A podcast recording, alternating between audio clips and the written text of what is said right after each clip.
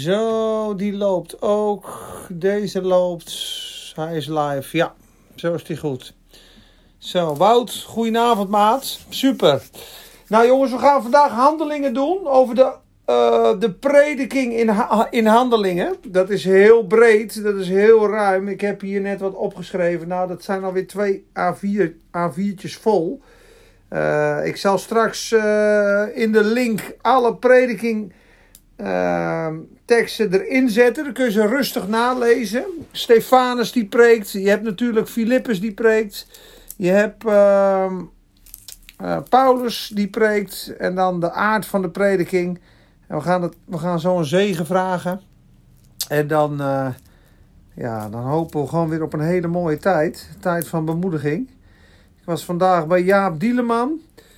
Die heeft uh, van die vrachtwagens uh, gospel trucks. trucks. Kosten 25.000 euro. Hij heeft er drie. Hij wil naar tien. En die preken in dorpen. Er is zoveel honger. Mensen krijgen eten. En uh, hey Tabita, hoe voel je je schat? Lekkere schat. Och, wat een strijd hè? met die chemo's.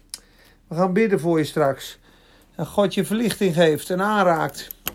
Maar ja, die Jaap Dieleman die heeft dus drie van die uh, trucs lopen. En uh, ja, er komen 5000 mensen per week tot geloof.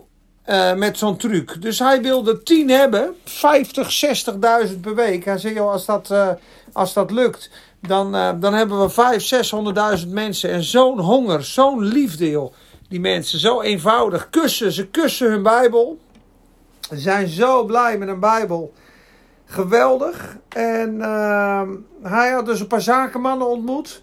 Die uh, zeiden, joh, wij zijn uh, multimiljonair. Wij, hey lieverd, het gaat goed naar omstandigheden, prijs de Heer. Ik vond het echt geniaal, die story met Henk. Halleluja. Maar, uh, nou, er komen zoveel mensen tot geloven. Ze kussen hun Bijbel, dus dat is echt geweldig. Ik kwam die paar zakenmannen tegen. Die hebben hem dus uh, Bijbels beloofd. Die hebben gewoon een, een, uh, een doelstelling in het leven. Iedereen die geen Bijbel kan betalen, die christen is, die krijgt gewoon een Bijbel van ons. Dus uh, wij hebben geld zat, 5 euro een Bijbel. Hoeveel moet je er hebben? 100.000. Krijg jij 100.000 Bijbels, maat? Huppakee, half miljoen. Dus dat is van Jaap Dieleman. Ik ga ook sponsoren en helpen. Ik vind iedereen die wat over hebt, die moet dat gewoon doen. Die mensen hebben niks en die worden echt aangeraakt voor de eeuwigheid. En daar doen we het voor. En je moet in de Heilige Geest komen om de dingen te zien. De Bijbel zegt in Psalm 36, vers 10: In uw licht zien wij het licht. Dat betekent dat je van nature uh, niet de dingen van de, God, uh, van de Bijbel en van de Geest kan onderscheiden. Dat zegt ook 1 Korinthe 2. De dingen van de geest zijn voor de natuurlijke mens een dwaasheid. Hij kan ze niet verstaan, want ze zijn geestelijk onderscheiden. God heeft ons gigantisch veel gegeven. Dat staat beschreven in de Bijbel. Maar zonder een relatie en een connectie met God ga je het niet zien. Zonder de aanraking van de Heilige Geest kan je het niet ervaren. Dus je hebt de Heilige Geest nodig. Daar begint ook het boek Handelingen mee. He, zij moesten wachten in Jeruzalem totdat zij de belofte van de Vader uit de hemelen kregen die hun beloofd was. Dat was de doop met de Heilige Geest. Je weet het nog wel, die vurige tongen van vuur op hun hoofd, die windvlaag, uh, een grote thunderstorm en ze komen er buiten en ze, de Joden uit alle plaatsen waren naar Jeruzalem gekomen en die hoorden de grote daden van God in alle talen. En ze zeiden, hoe kan dit? Dit zijn toch allemaal Galileese mannen? Hoe kunnen we nou de grote wonderen van God in onze eigen taal horen? En uh, dat vonden ze heel bijzonder. Nou, dat was een werk van de Heilige Geest. En de Heilige Geest is de eerste stap in het christelijke leven. Zonder de Heilige Geest, zonder de Geest van God, kan je niet doen wat God van je vraagt. Kan je niet zien wat God van je, uh, voor je heeft. He, dat, dat zegt Johannes 3 ook. En dat zegt hij heel duidelijk. Als u niet geboren wordt uit water en geest, kunt u het koninkrijk niet zien. Als u niet geboren wordt uit de geest kunt u het koninkrijk niet binnengaan. God heeft een koninkrijk, een, een rijk van liefde, van licht, van gerechtigheid. Deze wereld ligt in het boze, dat weten we. We weten hoeveel corruptie er is. Uh, uh, iedereen leeft uiteindelijk voor zichzelf. En de grote techbedrijven, farmabedrijven, hoeveel leugen, hoeveel politieke uh, smeerlapperij en hoeveel moord is er al geweest op de aarde, jongens. En dat was nooit de, bedoeling. Hè? God wil natuurlijk dat we elkaar lief hebben, dat we elkaar zegenen, dat je de minste bent, dat je bij wijze van sprekers je leven neerlegt voor een ander. Dat is echt een teken. Als je, er is geen grotere liefde dan Julian de Vreja. Ik kan dat even niet doen. Ik moet eventjes kijken. Ik moet eigenlijk wat dingen uitzetten. Ik kan wel, even kijken, opmerkingen uitschakelen. Zo, verzoeken mogen wel aan. Nee, ik kan, uh, ik kan alleen maar zeggen dat als je de Heilige Geest ontvangt, ga je geestelijk dingen zien. En daar begint dus het boek Handelingen mee. We beginnen ook met gebed. We gaan een zegen vragen. Een zegen vragen over de Bijbelstudie. Dat wat God wil zeggen, dat wat God wil spreken, tot sommigen die van jullie luisteren, die dat horen. Ik hoop dat je bemoedigd wordt, aangespoord wordt, bekrachtigd wordt in je geloof. En dat je mag zien de dingen die belangrijk zijn. En laten we daar een zegen voor vragen. Want we geven Bijbelstudie. Ik geef Bijbelstudie omdat ik het leuk vind. Maar voornamelijk word ik er echt ontzettend door opgebouwd. En ik bid gewoon dat degene die luisteren, dat jullie ook ontzettend veel zegen ontvangen. Dat is mijn enigste wens. Dat je bruisend van leven door het leven gaat. Dat je de waarheid ontdekt over de hemel, over het oordeel, over het kruis. Over de grote zegen die God voor ons heeft. Over de val van Satan. Dat wat die discipelen preekten, dat wat die apostelen preekten, dat is van essentieel belang. Zonder het kruis en de opstanding van Jezus valt alles in duigen. En in het natuurlijke hebben wij maar een hele korte visie. We kunnen alleen maar uh, uh, kijken in, in het hier en nu. Als ik eet, als ik drink, als ik het goed heb. En dat was mijn leven. Maar geloof me, je bent voor veel meer gemaakt. Laten we beginnen met gebed. Vader, Vader in de hemel, we danken u Heer dat u met ons mee wil kijken vanavond in uw woord. Dat u, Heer, wil aanraken en wil zegenen. Heer, we bidden een bijzondere zegen over iedereen die luistert vanavond. We komen, Heer, omdat we meer van U willen, omdat we U willen kennen. Heer, we binden elke geest van redenatie en filosofie en elke natuurlijke geest die het werk van de geest wil keren en die de waarheid wil verhullen. Vader, we breken de invloed van socialisme, tv, leugen, zonde, uh, hardheid en bitterheid in mensen. Vader, we vragen of u ons gereed wil maken en ontvankelijk voor uw Heilige Geest. Heer, ik bid zo, uw genade en uw kracht op deze studie.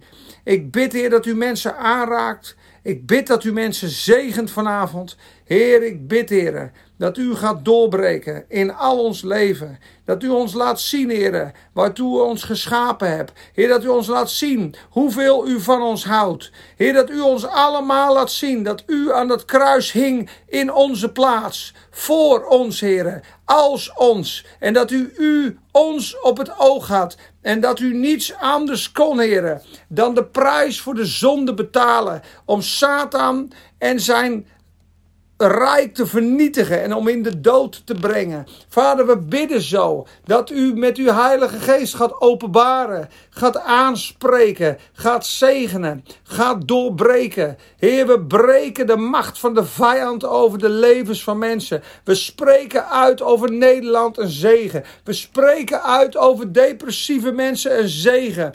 U bent het licht, Heer. U bent de bruisende bron. En we breken de negativiteit van mensen af, de eenzaamheid van mensen af. We bidden, Heer, dat u ons aanwakkert tot geloof en goede werken. Dat u ons vervult met uw liefde. En dat wij van kracht tot kracht zullen gaan. Vervul ons leven, Heer. Zalf ons met verse olie. Dank u wel, Heer Jezus. Heer, we hoeven het niet te begrijpen. Want u maakt alle dingen bekend door uw Heilige Geest. Zegen het woord van vanavond. In Jezus' naam. Amen. Nou, ik zit hier dus met vier lampen. Dus ik doe even mijn trui uit. Ik zal eventjes laten zien. Kijk, 1, 2, 3, 4 van die felle lampen. Recht op mijn knuit. Dus ik ben nu al bijna aan het zweten. Dus ik doe lekker eventjes die uit. Dus dat ik geen t-shirt aan heb. Anders ging ik nog in mijn t-shirt zitten ook. Maar uh, ja, laten we gewoon beginnen. En ik hoop dat je een gezegende tijd hebt. Ik wil beginnen uh, in Handelingen hoofdstuk 2. Handelingen hoofdstuk 2. Waar Petrus zijn eerste preek preekt. En het is op de Pinksterdag. De Heilige Geest is net uitgestort. En de elf apostelen die staan daar. En uh, er is natuurlijk een grote kracht van de Heilige Geest. Is gekomen om negen uur s ochtends. Waarschijnlijk is dat half negen s ochtends geweest of kwart over acht. Ze waren tien dagen in die bovenkamer. Nadat ze veertig dagen met Jezus gewandeld hadden. En ze hadden wonderen en tekenen gezien. En Jezus deed vele kentekenen en krachten. En gaf hun uh, de opdrachten voor de verspreiding van het evangelie. Dus als je het in een notendop samenvoegt. Zij ontvingen de Heilige Geest. Die kwam in hun als een grote kracht. Zij deelden uiteindelijk die geest uit. Jezus. En Jezus moet dus, luister goed naar mij, Jezus moet woning krijgen in ieder hart, in ieder mensenleven. En dat zeg ik nogmaals, want wij zonder God zijn verloren. Wij zonder Jezus, zonder connectie met de Vader van de hemel, ben je als een wijnstok, een rank die afgesneden is van de wijnstok, die geen sap krijgt, die geen leven krijgt. Je kan denken, joh, de jeugd is bruisend en levend. Maar op het moment dat je het ware leven ontvangt, is alleen mogelijk door de inwoning van Jezus Christus in ons. Dat noemen ze wedergeboorte. Dat noemen ze wedergeboorte. Op het moment dat iemand wedergeboren wordt, begint dat leven te bruisen. Nou, zij hadden de Heilige Geest ontvangen. En zij gingen predikend verder die, dat vuur wat op hen was, door de Heilige Geest, dat wakkerde aan. En Petrus die gaat staan en die preek, die ga ik een stukje voorlezen. Ik ga straks ook nog een stukje uit de preek van Paulus voorlezen, uh, hoofdstuk 13. En uh, dan kijken we gewoon wat de inhoud van die preken is. Wat, wat is het essentiële in die boodschap van het evangelie? En je zult zien, er komt straks een, een thema terug wat ze constant herhalen. En dat gaan we vanavond ontdekken. En dat is de kracht die het graf overwint, die de dood vernietigt. Dus de opstandingskracht van Jezus. Dus ik begin te lezen. Petrus, die met de elf andere apostelen stond, verhief zijn stem en sprak tot hen: Joodse mannen en u allen die in Jeruzalem woont. Dit moet u bekend zijn. En laat mijn woorden tot uw oren doordringen. Deze mensen die u ziet, zijn namelijk niet dronken zoals u vermoedt. Want het is pas het derde uur van de dag. Nou, dat is negen uur s ochtends. En dat was dus zo, de Heilige Geest was uitgestort op die mensen. En op het moment dat ze dus uh, aangeraakt werden, waren ze zo vol van de Heilige Geest dat ze in tongen begonnen te spreken. Ze begonnen in andere talen te spreken. En ze liepen s ochtends om negen uur, ja, liepen ze over straat alsof ze dronken waren. Alle mensen dachten, joh, die zijn dronken. Ik, ik heb wel eens een uitstorting van de Heilige Geest gezien. En ik ben natuurlijk op Bijbelschool geweest. En uh, als je aangeraakt wordt door de Heilige Geest en je wordt vervuld met die vreugde en die wijn, ja, dan lijkt het net of je van het natuurlijke naar het bovennatuurlijke gaat. Dus wat gebeurt er? Je wordt meegenomen in dat rijk als een adelaar in de Heilige Geest. En je bent, dus wel leuk, hè, dat Instagram, het lijkt net of ik in de wolken ben. Ik heb er een filter op gegooid. Maar ze waren in de wolken. Ze waren verliefd op Jezus. Ze waren Jezus aan het zoeken. Ze werden zo aangeraakt. En de Jezus die voor hen aan het kruis gegaan was, die was opgevaren ten hemel, heeft daar met zijn bloed in de hemelse tabernakel het zondoffer en het schuldoffer gebracht. Dus Jezus is gekruisigd voor jou en mijn zonde. En vroeger in het oude Joodse Israël, als je gezondigd had, moest je een schaap of een bokje of uh, duiven moest je offeren. Als schuldoffer, als zondoffer. Om je schuld weg te doen. Dat noemen, daar komt het woord zondebok vandaan. De priester legde zijn handen op de bok. Ze zei: joh, jouw viezigheid, jouw leugens, jouw jaloezie, jouw haat en jouw slechtheid. Uh, dat gaat in de bok en die sturen wij de woestijn in. En daar stierf hij. En zo kon je vergeving van zonde krijgen. Ik heb trouwens een beetje last van mijn tong. Ik heb uh, van de week ook al gezegd, misschien een beetje. misschien een beetje. Uh, vitaminegebrek. Of een paar uh, rauwe plekjes. Dus ik, ik heb even water erbij. Het is bijna verbeten, jongens. Met die tong hier, met die lampen erop. Dus ik probeer het uh, vol te houden. Dus als het iets korter wordt vandaag, dan weet je dat het aan mijn tong lag. Die bijna aangebrand is. Hmm. Maar de Heer Jezus was voor hun gestorven. Uit liefde. En betaalde de prijs voor de mensheid, voor de zonde van de mensheid. De doornenkroon van Jezus spreekt van de vloek. Hij heeft alle vloeken van alle tijden op zich genomen.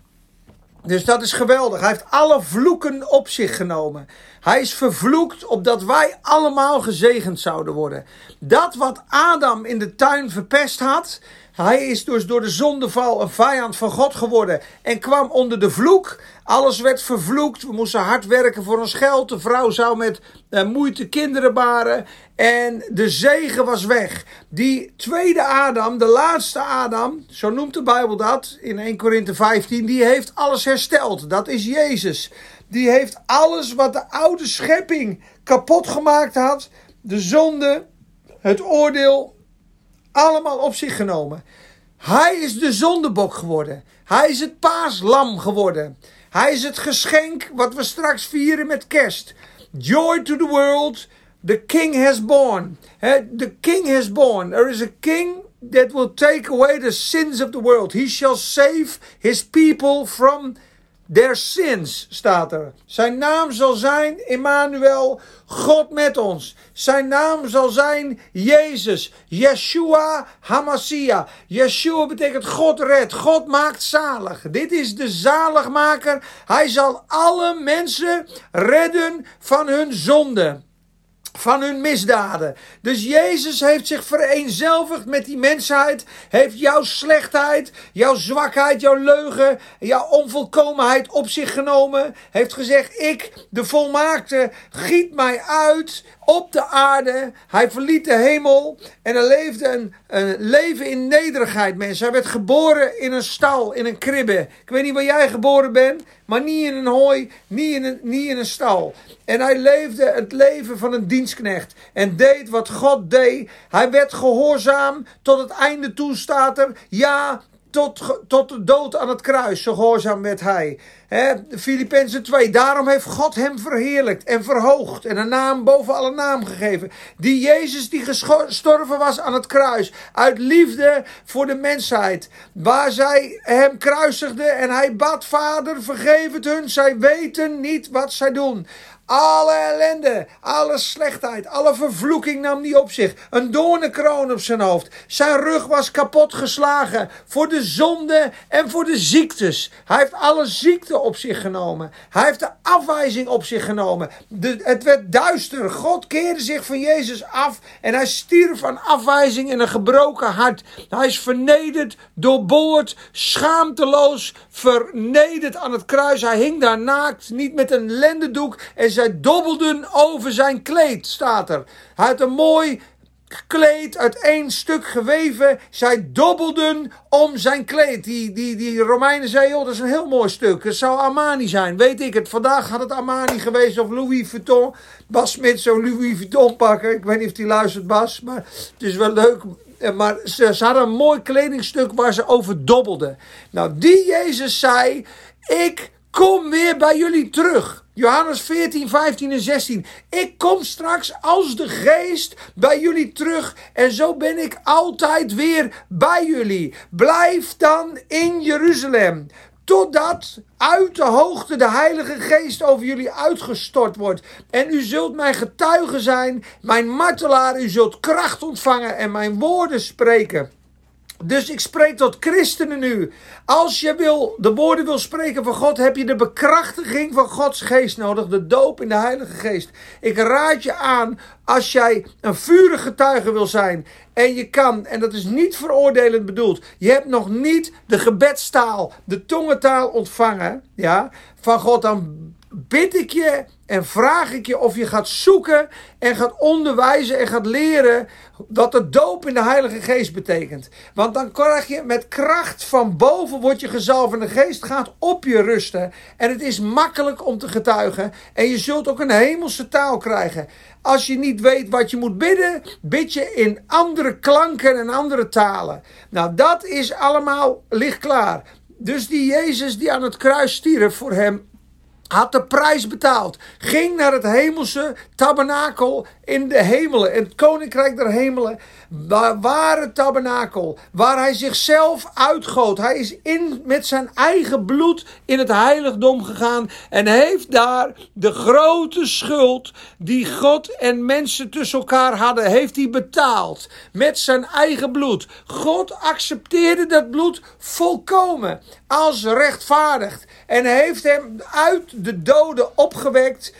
omdat zijn leven volmaakt was. En hij heeft dat opgewekte bloed uitgestort. En nu is er eeuwige zegen. Eeuwige verlossing noemt Hebreeën dit.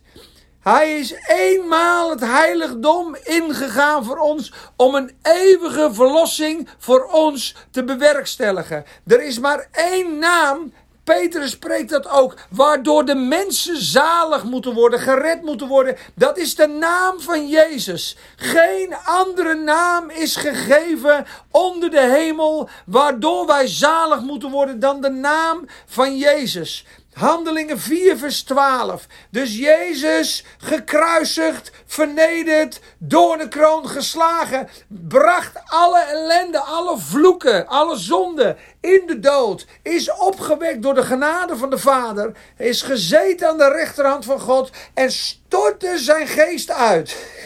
Sorry hoor, zit gewoon een scheur in mijn bloed. Sorry, sorry. Hij stortte zijn geest uit over die discipelen en die apostelen die in die bovenkamer waren. En wat deden ze? Ze gingen overal en spraken het woord. En Petrus, vol van de Heilige Geest, die mensen lopen daar half dronken. Ze zagen van, joh, wat, wat is dit? Die doet zijn mond open. En daar pikken we het op. Daar gaan we in hoofdstuk 2 lezen. Deze Petrus, die daar met elf andere apostelen stond, verhief zijn stem en sprak tot hen dit: Joodse mannen en u allen die in Jeruzalem woont, dit moet u bekend zijn en laat mijn woorden tot u doordringen.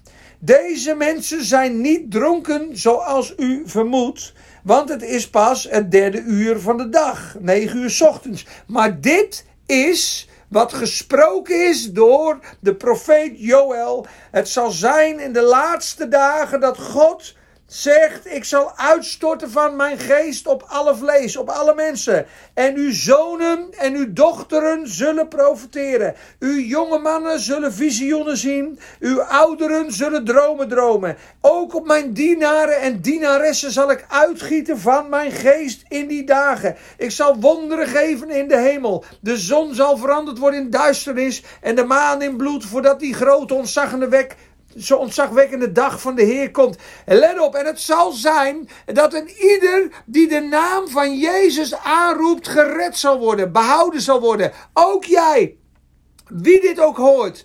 Als jij roept naar Jezus en je zegt, Heer Jezus, Ik geloof het evangelie. Red mij. Ik roep u aan. Red mij van mijn zonde. Red mij van mijn leven. Ik wil behoren. Ik wil u toebehoren. Ik geloof dat u dus koning bent, de schepper, de zoon van God, die gezonden is naar de aarde, die gekruisigd is. En ik wil gered worden van mezelf en mijn zonde. Hij komt in je wonen, mensen. Hij komt in je wonen. En Petrus die preekt en die heeft het dan zo krachtig uh, over uh, de opstanding van Jezus. En dan pak ik het op in vers 22. En dan zegt hij, Handelingen 2 vers 22, Israëlische mannen, luister naar deze woorden.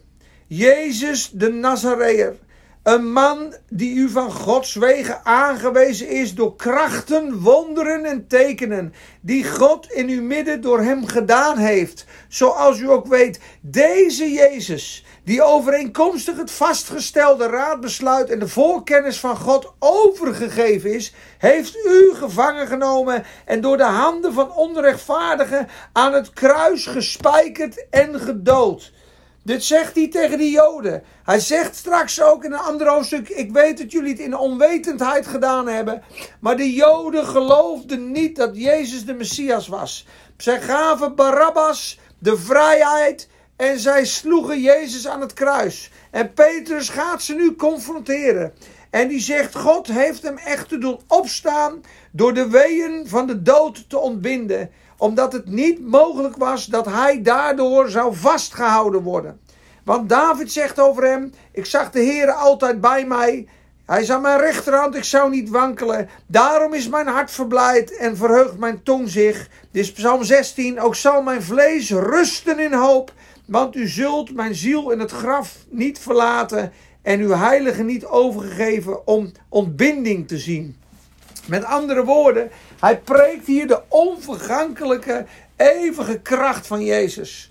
En dat zul je zien in alle teksten die ik eronder ga zetten als je ze naleest. Dat de opstanding van Jezus is de boodschap, de kern van de boodschap van de apostelen.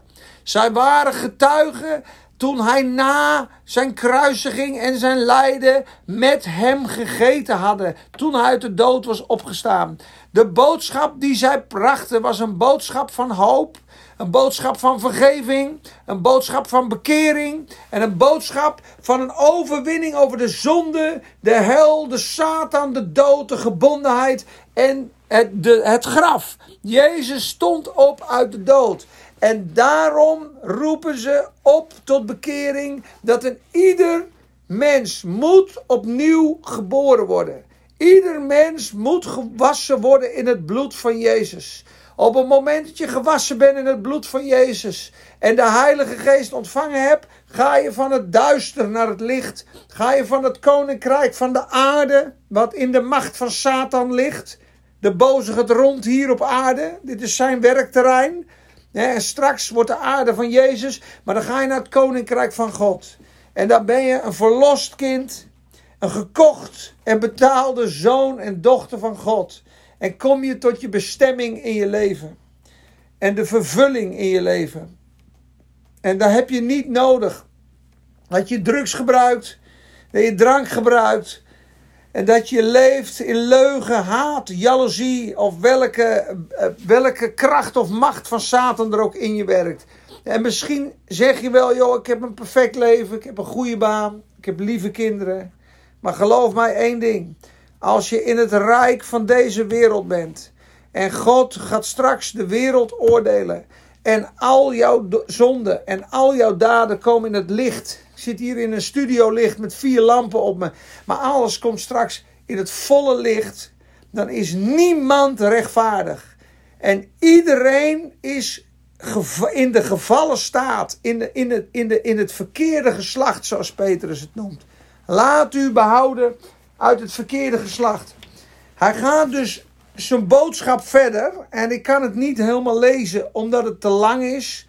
Als je hongerig bent, als je wil weten wat het evangelie is. Als je Jezus Christus wil aannemen. Als je gered wil worden voor de eeuwigheid. En als jij tot bestemming van zoon en dochter wil komen. En je bent aangesproken en geroepen door God. en je weet gewoon dat hij leeft, dan, dan raad ik je aan, lees hoofdstuk 2 van Handelingen.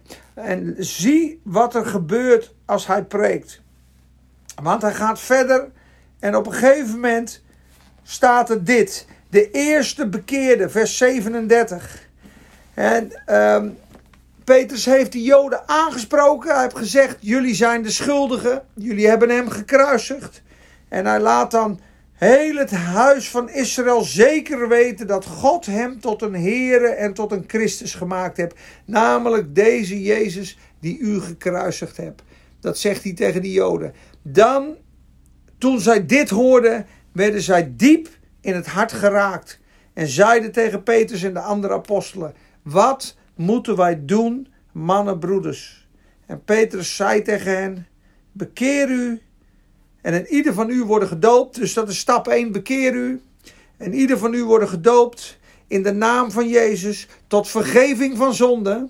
Ook jij en ik hadden vergeving van zonde nodig. Misschien ben je nog geen kind van God. Ik bid dat je Jezus aan zal nemen en dat je tot blijdschap en vergeving mag komen. En u zult de gave van de Heilige Geest ontvangen. Dus bekeer u Laat u dopen. U zult de vergeving van zonde ontvangen en de gave van de Heilige Geest. Want voor u is de belofte en voor uw kinderen en voor allen die ver af zijn, zoveel als de Heere onze God ertoe roepen zal. Zij dan die zijn woord met vreugde aannamen, werden gedoopt. Ongeveer 3000 mensen werden er op die dag aan de kerk toegevoegd. Dus de boodschap van het evangelie is een boodschap van licht. We moeten gered worden van de oude schepping naar de nieuwe schepping. We moeten verlost worden van onze zonde. Jezus heeft aan het kruis gehangen. We moeten vervuld worden met de Heilige Geest. Anders is het onmogelijk om te leven en te opereren in het Koninkrijk van God. En de boodschap is dat Jezus het voor jou en mij volbracht heeft. Dat zijn bloed gevloeid heeft, dat hij dat in het hemelse heiligdom gebracht heeft en dat hij nu zijn geest heeft uitgestort en dat is voor iedereen beschikbaar. De Heilige Geest moet ontvangen worden door ieder mens. Wij moeten allemaal opnieuw geboren worden. Van rups naar vlinder. Van foetus in de baarmoeder word je geboren in het natuurlijke. De weeën. En je wordt geboren in deze wereld. Zo moet je ook geboren worden in het koninkrijk, mensen. En die prediking in handelingen, dat is een prediking van wonderen, een prediking van tekenen.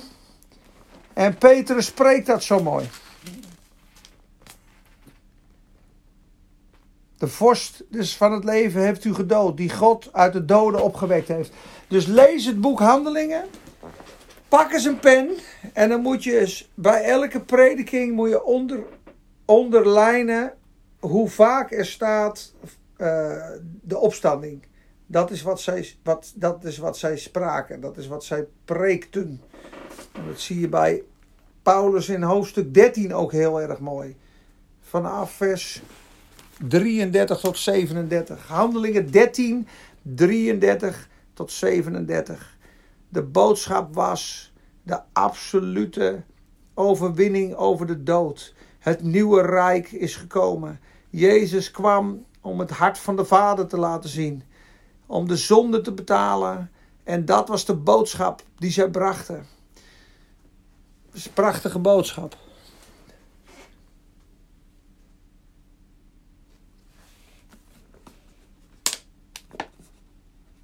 Halleluja. Ik las vorige week een boekje. En dat boekje ging over de opwekking in Spakenburg in 1840.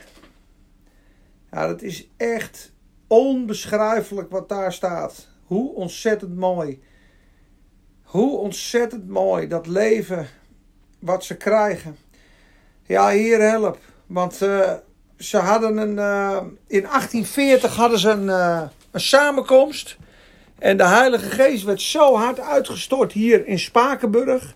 Dat mensen spontaan tot bekering kwamen.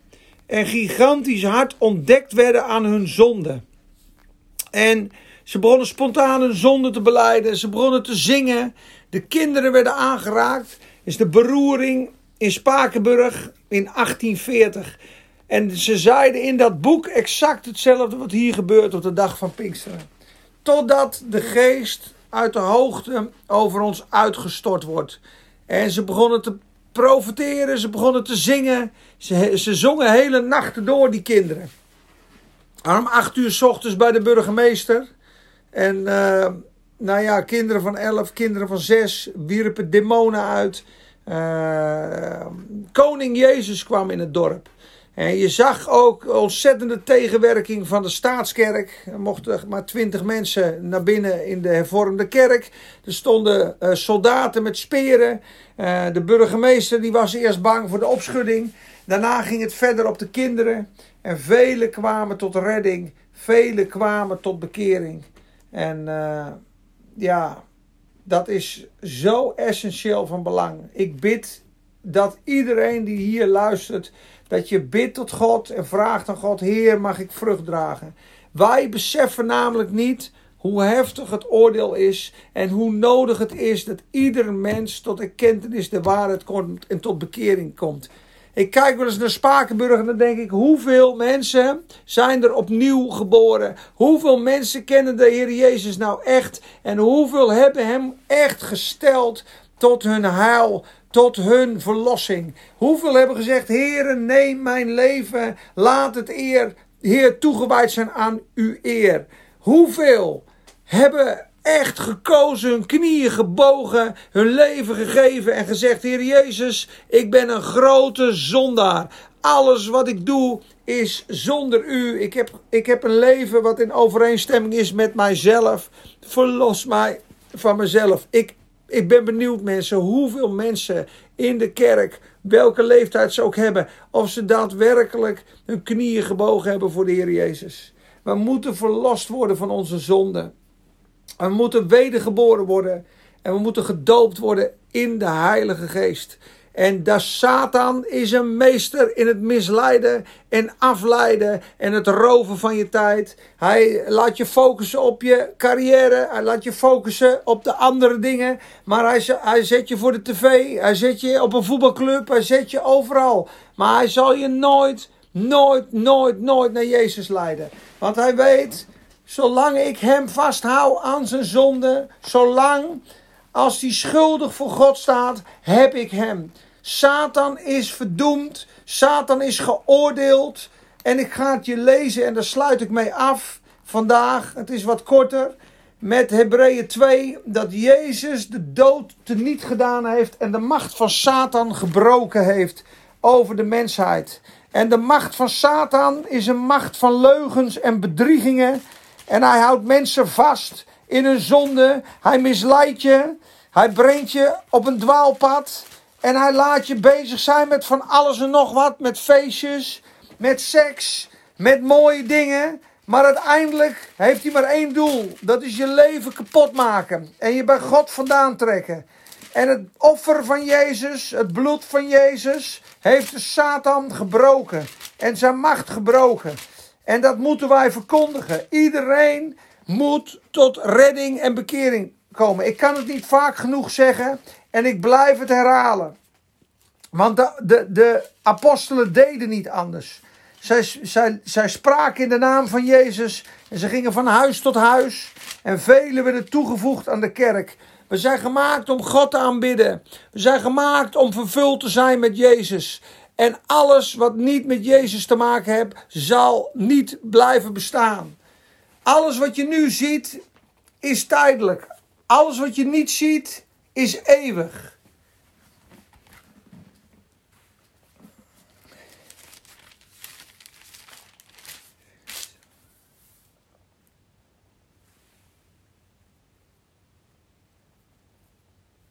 Ja. Wij zien Jezus. Ja, ik ga dit stukje lezen en dan sluiten we af. Ik ben in Hebreeën 2 acht slaan op de grote zaligheid. Want hij, Jezus, heeft de komende wereld waarover wij spreken niet onderworpen aan de engelen. Maar iemand heeft ergens getuigd: wat is de mens dat u aan hem denkt? Of de mensenzoon dat u naar hem omziet? U hebt hem voor korte tijd minder gemaakt dan de engelen. Met heerlijkheid en eer hebt u hem gekroond. U hebt hem gesteld over de werken van uw handen. Dit gaat over de mens. Ja, dit zijn wij. Alle dingen die hebt u onder zijn voeten onderworpen. Want bij het onderwerpen van alle dingen heeft hij niets uitgezondigd. Nu echter zien wij nog niet dat hem alle dingen onderworpen zijn. Er staat dat Jezus in zijn offer en opstanding alles overwonnen heeft. Alleen nu in deze huidige tijd zie je niet dat Jezus alles al onderworpen heeft. Dat moet nog manifest worden. Wat wij wel zien, zeggen ze, wij zien Jezus met heerlijkheid en eer gekroond, die voor korte tijd minder dan de engelen geworden was, vanwege het lijden van de dood, opdat hij door de genade van God voor alle mensen de dood zou proeven. Want het paste hem om wie alle dingen zijn en door wie alle dingen zijn. Dus alles is geschapen om Jezus. Alles is geschapen door Jezus. Hij is de koning. Hij moet centraal staan in de gemeente Spakenburg, in Nederland, in jouw hart, in mijn hart. Hij is het begin en het einde. Hij is de Alpha en de Omega. Hij is het van A tot Z. Hij is het wonder van de hemel. Hij is liefde, licht, kracht, rechtvaardigheid. Alles waar wij naar verlangen. Jezus is de schat die gegeven is met de kerst. Jezus is alles waar je ziel naar verlangt. Hij is de oneindige majesteit en de schepper. En niet een stoffige herder met een paar sandalen en een oud verhaal. Want bijbelsmensen worden uit de bibliotheek weggehaald en worden verbrand. En hebben ze niet meer nodig, want het is niet meer van deze tijd. Hoe gaat Satan rond als een briesende leeuw, zoekende wie hij kan verslinden? Wanneer staan de gelovigen op en beginnen te bidden in de Heilige Geest en beginnen het koninkrijk in te nemen en beginnen Jezus te verkondigen als de enigste redder, als de enigste koning, als de enigste heerser. Hij is de koning van de wereld en heeft iedereen geschapen en hij verdient ontzag. Waardig is het lam dat voor ons geslacht is, dat ons gekocht en betaald heeft met zijn bloed, dat zijn, die zijn geest gegeven heeft en die bidt en pleit voor ons aan de rechterhand van de Vader. Die al onze schuld op, op zich nam. En die niets liever wil dat je tot volle bloei komt. Tot vol stralen. Tot volle heiliging. Tot volle heerlijkheid. Daar is hij voor gestorven. Jij was het hem waard om voor te sterven. To die for. Hij verachtte de schande, staat er in Hebreeën. De naaktheid aan het kruis verachtte die. Voor de vreugde die voor hem lag. Dat was jij. Dat ben ik. Hij wil ons naar zich toe trekken. En ik schreeuw het naar je toe en ik bid het ook. En het kan me niet schelen waar je denkt. Want het paste hem om wie alle dingen zijn en door wie alle dingen zijn. Om vele kinderen tot heerlijkheid te brengen. Dat wil hij doen met ons. Tot de glorie der glorie wil hij ons brengen. De leidsman van hun zaligheid door lijden heen zou heiligen. Immers hij die heiligt, dat is God. En zij die geheiligd worden, dat zijn wij, zijn allen uiteen. Daarom schaamt hij zich niet ervoor om ons broeders te noemen. Want hij zegt, ik zal uw naam verkondigen te midden van mijn broeders. Omdat nu, vers 14, die kinderen, jij en ik, van vlees en bloed zijn, heeft hij eveneens daaraan deel gehad. Jezus is mens geworden om door de dood, hij is gestorven, hem die de macht over de dood had. Wie is dat? Dat is de duivel, om die te niet te doen. En op die manier zou hij alle mensen verlossen die door angst voor de dood hun hele leven onderworpen waren aan slavernij. Want werkelijk, hij neemt de engelen niet aan, maar het geslacht van Abraham. Daarom moest hij in alles aan zijn broeders gelijk worden, opdat hij een barmhartig en een getrouw hoge priester zou zijn in de dingen die God betreffen. Jezus is in de hemel aan het bidden en pleiten voor jou, dat jij tot volle bloei mag komen, tot vol stralen, tot volle heerlijkheid in alles wat je doet. Al wat hij onderneemt gelukt. Zegen op je werk, zegen en leven in je, in je huwelijksleven, met je kinderen, in je gebedsleven een krachtige man en vrouw van God. Een dochter en een zoon van God. Die ben jij gemaakt. Daar stierf hij voor. Daar bidt hij voor. Daar pleit hij voor. Zijn liefde is oneindig. En ik breek, bid dat het doorbreekt in jou en mijn hart. Dat zijn liefde voor jou en zijn passie voor mij voor jou en mij. Hem naar het kruis deed gaan en daar aan het kruis zijn vernedering en zijn schande op zich nam, de vervloeking en de zonde en zei: Vader, ik hang hier voor hem, het is volbracht, ik heb de prijs van de zonde betaald, ik heb het graf overwonnen, ik heb alles in de dood gebracht, verheerlijk uw zoon. En hij stierf en hij gaf de geest. Eli, Eli, lama sabachthani. Mijn God, waarom heeft u mij verlaten? Hij werd verlaten dat jij en ik nooit meer verlaten zouden worden. En hij wil je tot zich toe-eigenen. En dat wil hij met heel Spakenburg, met heel Nederland, met heel de wereld. Want de wereld ligt in het boze. En als Jezus niet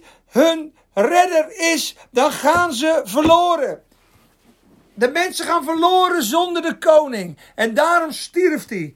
En hij is een barmhartig hoge priester, want waarin hij zelf geleden heeft, kan hij te hulp komen. Ik sluit af met de laatste tekst over de opstanding. Je krijgt er nog eentje van me. Ik weet niet tot wie ik preek vanavond. Het is voor mij soms een beetje zoeken. Maar ik heb hier een 2 Thessalonicense 2 Timotheus 1 moet ik hebben. 2 Timotheus 1, vers 9. De kracht van de Heilige Geest maakt alles anders. Anders wordt het een dogma. Anders wordt het een religie. hey, Mirjam Huisman, schattenbout. Hoe is het? Ik bid de kracht van God in je lichaam, schat. Oh, ik hoop je gauw weer een keer te zien. Ik kwam altijd aan de kraam in Horen. Met je ontzettende lieve vriend. Ik ben even zijn naam kwijt. Ik heb je al een jaar niet gezien. Oh. 2 Timotheus 1. De liefde van God in ieder mens. De vergeving van God. Ja, ik sluit af jongens met deze tekst.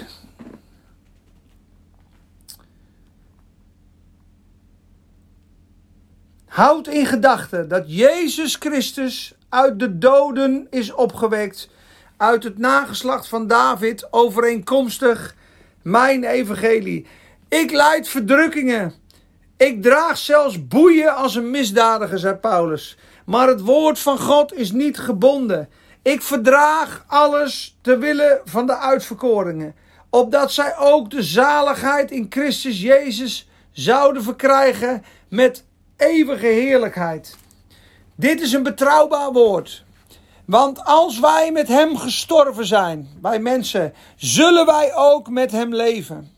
Als wij volharden en we gaan voor Jezus door het vuur, zullen wij ook met Hem regeren. Als we niet met Hem door het vuur gaan en Hem verloochenen, zal Hij ook ons verloochenen, staat er. Als wij ontrouw zijn, blijft Hij getrouw, want Hij kan zichzelf niet verloren, uh. Hij heeft ons gered. Dat is de laatste. Hij heeft ons gered en geroepen met een heilige roeping. Hij heeft ons gered en zalig gemaakt en geroepen met een heilige roeping. Niet overeenkomstig onze werken, maar overeenkomstig zijn eigen voornemen en genade dat gegeven is in Christus Jezus voor de tijden der eeuwen maar nu is geopenbaard door de verschijning van onze zaligmaker Jezus Christus, die de dood teniet gedaan heeft en het leven en de onvergankelijkheid aan het licht gebracht heeft door het evangelie. Jezus geeft eeuwig leven, heeft de dood overwonnen, heeft de sterfelijkheid, de onsterfelijkheid aan het licht gebracht en wil dat wij vol zijn van de Heilige Geest, bruisen van leven. God bekendmaken, genieten van God als ons leven, als ons brood, als de Vader die in ons woont en stralen met zijn heerlijkheid. Ik hoop dat je gezegend bent. Ik zegen jou. Ik zegen deze teaching. Ik zal hem online zetten. Het is wat, uh, uh, uh, wat veel eh, prediking. Ik zet het er mooi onder. Ik bedank jullie voor het kijken. Ehm, ik bid voor je. Bid ook voor mij. Ehm, vraag aan God. Als je christen bent, maak mij vurig voor uw koninkrijk. Maak mij los van alles wat mij verhindert om u volkomen te dienen. Kan een hobby zijn, kan een film zijn, kan een vriend zijn die niet goed voor je is. Kan een ruzie zijn waar je van moet bekeren. Kan een verslaving zijn. Ik bid de kracht van God in je wezen. Dat je kracht mag ontvangen om op te staan. Om het evangelie te preken. Om te genieten van God en de zegen. Hij houdt van ons. Ook al voel je het niet. Hij houdt van jou en mij. Ik voel het vaak ook niet mensen. Maar de Bijbel zegt het. Hij heeft ons lief. Hij heeft ons zo lief dat hij zijn enige geboren zoon gegeven heeft. Hij is vol vreugde over ons. Hij zingt een lied over ons. En hij heeft ons aanvaard in de geliefde. Ik zegen je dat je opbloeit en veel vrucht draagt. En dat je je collega de handen oplegt als ze ziek zijn. Dat je je collega en uh, in dat huwelijk wat moeilijk loopt, dat je gaat, s'avonds gaat staan en je zegt: Heer, ik breek die negatieve geest van manipulatie en controle en verstoring en religie in dat leven. Ik breek het in de naam van de Heer Jezus Christus. Ik zet hem vrij en ik, ik, ik laat uw zegen over hen los. En je zal wonderen en doorbraken zien. Satan is een leugenaar. Hij is onder onze voet. En Jezus is de enigste weg, de waarheid en het leven. En hij is opgestaan uit de dood. Hij leeft voor eeuwig. En wie in hem is, zal nooit meer sterven. Ook al is hij gestorven. Hij zal leven. Johannes 11. Amen. Hoi.